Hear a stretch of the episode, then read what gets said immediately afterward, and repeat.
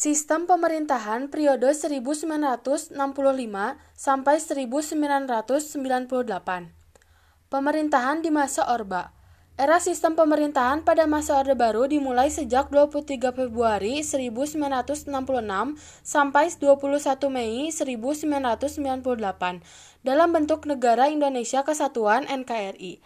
Sistem pemerintahan presidensial, bentuk pemerintahan republik, dan Undang-Undang Dasar 1945 sebagai dasar konstitusi atau undang-undang yang berlaku. Secara sistem, pemerintahan Orde Baru tidak memiliki perubahan berarti dari era sebelumnya. Namun tetap ada beberapa perbedaan mendasar dilihat dari masa Orde Baru yang diubah karena dianggap sebagai penyimpangan di masa Orde Lama. Misalnya jabatan presiden menjadi seumur hidup dan belum adanya MPR, DPR, dan DPA yang sah. Sistem pemerintahan masa Orde Baru mengubah tatanan kehidupan rakyat dan negara dengan berlandaskan kemurnian pelaksanaan Pancasila serta Undang-Undang Dasar 1945 untuk setiap kebijakan pemerintah. Beberapa pokok sistem pemerintahan pada masa Orde Baru yang tercantum pada penjelasan Undang-Undang Dasar 1945 yaitu 1. Indonesia adalah negara hukum yang menganut sistem konstitusional. 2. Kekuasaan negara tertinggi ada di tangan Majelis Permusyawaratan Rakyat. 3. Adalah Presiden adalah penyelenggara pemerintahan negara tertinggi dan berada di bawah MPR. 4. Menteri adalah pembantu presiden dan tidak bertanggung jawab kepada Dewan Perwakilan Rakyat. 5. Presiden tidak bertanggung jawab kepada DPR.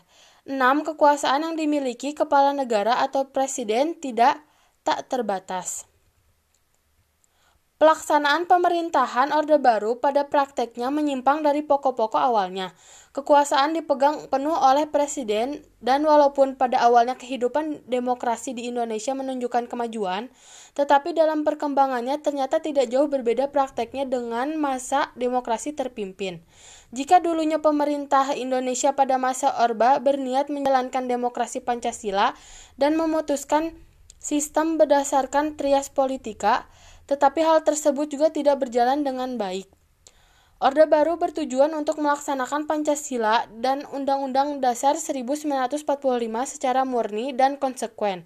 Terbukti dari beberapa peraturan berikut yang membuat Undang-Undang Dasar 1945 menjadi konstitusi yang sangat sakral, yaitu satu Ketetapan MPR nomor 1 MPR 1983 menyatakan bahwa MPR telah menetapkan untuk mempertahankan Undang-Undang Dasar 1945 dan tidak akan merubahnya. 2. Ketetapan MPR nomor 4 MPR 1983 mengenai reven referendum yang antara lain menyatakan bahwa apabila MPR hendak mengubah Undang-Undang Dasar 1945, maka rakyat terlebih dahulu harus dimintai pendapat melalui referendum. 3. Undang-Undang Nomor 5 tahun 1985 mengenai referendum yang menjadi suatu pelaksanaan dari TAP MPR sebelumnya. Dalam sistem pemerintahan pada masa Orde Baru juga dilakukan perampingan partai-partai politik sehingga hanya menjadi tiga partai, yaitu Golongan Karya Golkar, Partai Persatuan Pembangunan PPP, dan Partai Perjuangan Indonesia PDI. Dalam pelaksanaannya, Golkar menjadi mayoritas tunggal yang selalu memenangkan setiap pemilu di masa Orde Baru. Ketidakpuasan apa pun yang muncul pada masa itu dengan cepat langsung diredam. Ciri pokok Orde Baru yang tampak pada sistem pemerintahan pada masa Orde Baru yaitu bahwa lembaga kepresidenan memegang kekuasaan yang sangat besar. Hampir semua kewenangan presiden yang diatur menurut Undang-Undang Dasar 1945 dilakukan tanpa keterlibatan pem pertimbangan, dan persetujuan DPR sebagai wakil rakyat.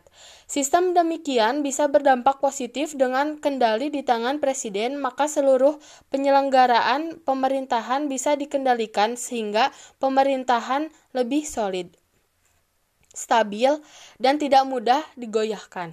Akan tetapi, tanpa adanya pengawasan dan persetujuan DPR, maka kewenangan presiden menjadi mudah disalahgunakan.